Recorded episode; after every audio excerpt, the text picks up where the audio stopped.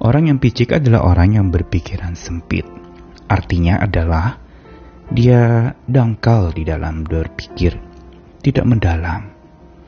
Juga pikirannya pendek, tidak panjang, dan karena sempitnya pemikirannya sehingga dia sulit untuk memikirkan yang luas-luas, hanya berpikir sebatas yang dia bisa pikirkan. Dan orang-orang yang ber pikiran sempit ini sering kali justru terhimpit di dalam pikirannya sendiri. Mereka tidak dapat melihat segala sesuatu dari sudut pandang yang lebih luas.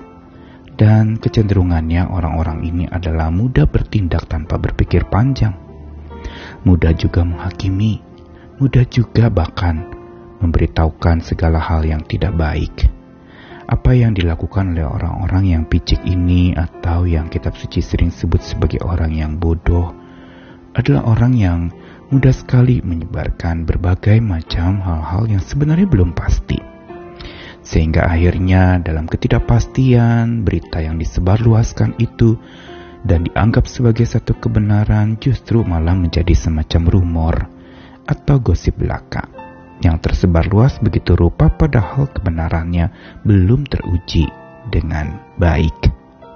Namun ada satu hal yang baik untuk kita lakukan terhadap orang-orang yang demikian, yaitu kita perlu membungkamkan kepicikan mereka. Tetapi dengan cara apa? Apakah dengan memarahi mereka? Apakah dengan mengkritik pedas kepada mereka?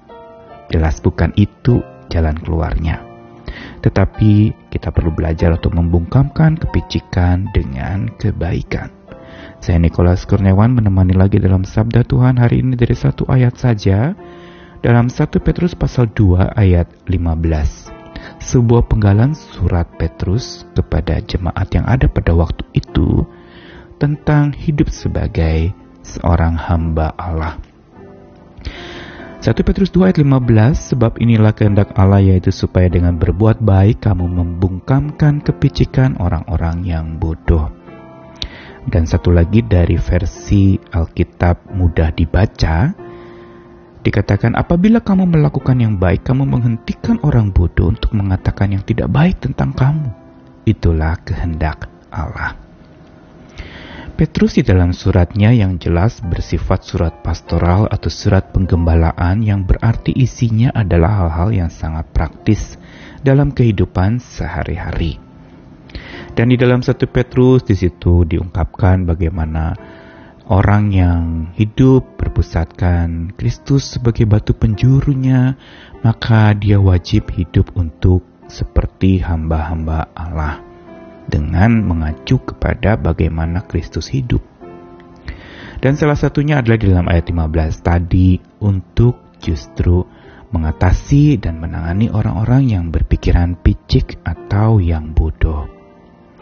Orang-orang yang picik yang diungkapkan di sini adalah orang-orang yang berpikiran bukan saja sempit tetapi juga mereka tidak suka untuk menyelidiki diri, mereka lebih suka orang-orang picik yang bodoh ini adalah menyelidiki orang lain dan mencari-cari kesalahan orang lain tapi sulit mengakui kelemahan atau kesalahan diri sendiri.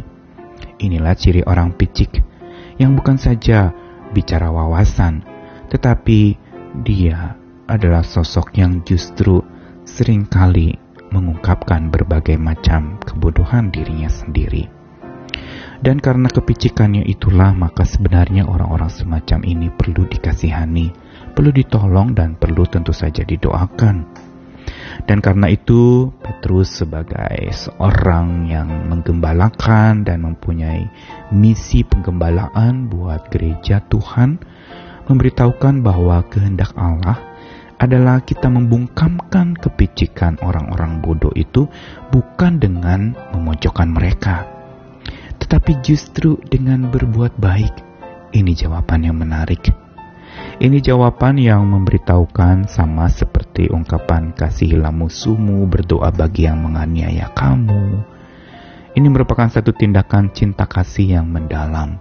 Dari orang-orang yang tentu saja, kalau cinta kasih yang mendalam harus diperhatikan dengan pikiran yang mendalam dan luas, bukan dengan cara yang sempit.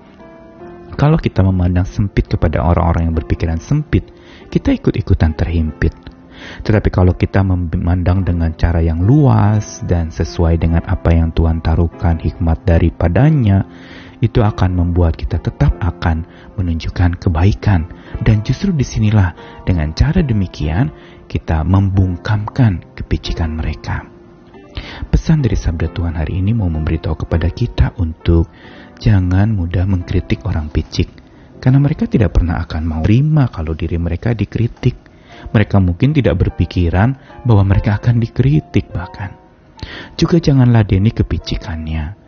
Justru kita perlu mendoakan. Jangan biarkan kepicikannya itu justru membuat kita menjadi berang Jangan ladeni, jangan gubris, dan jangan buat kepicikannya itu justru mengganggu perasaan kita atau membawa perasaan kepada diri kita yang menjadi makin marah atau kecewa.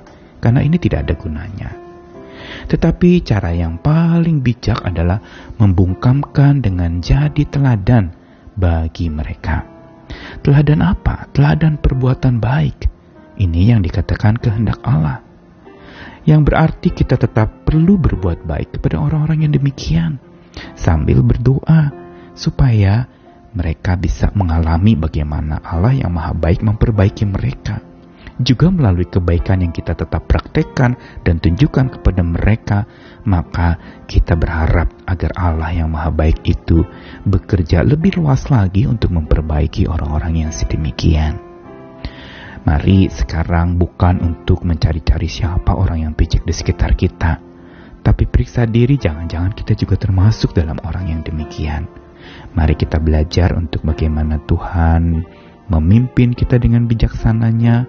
Kita perlu membungkamkan kepicikan diri kita sendiri juga dengan tetap berbuat baik dan beri diri untuk diperbaiki agar picik pikiran kita bisa menjadi berubah, diperluas oleh Tuhan Begitu juga saat kita berhadapan dengan orang-orang yang berpikiran picik, kita membungkamkan mereka dengan cara bertindak baik kepada mereka, tetap berbuat baik dan mengasihi mereka. Inilah sebuah karya praktek iman yang perlu kita lakukan setiap hari di dalam kehidupan kita bersama, entah di keluarga, entah di rumah tangga, entah di tempat-tempat kita bekerja, atau di kesehari-harian kita dalam berjumpa dengan orang-orang yang mungkin pikirannya tidak selaras dengan pikiran kita, yang mungkin pikirannya tidak seluas pikiran kita. Mari bungkamkan itu dengan tetap berbuat baik bagi mereka. Tuhan mengasihi kita sekalian dan dia masih terus mau memperbaiki kita yang memberi diri diperbaiki olehnya. Amin.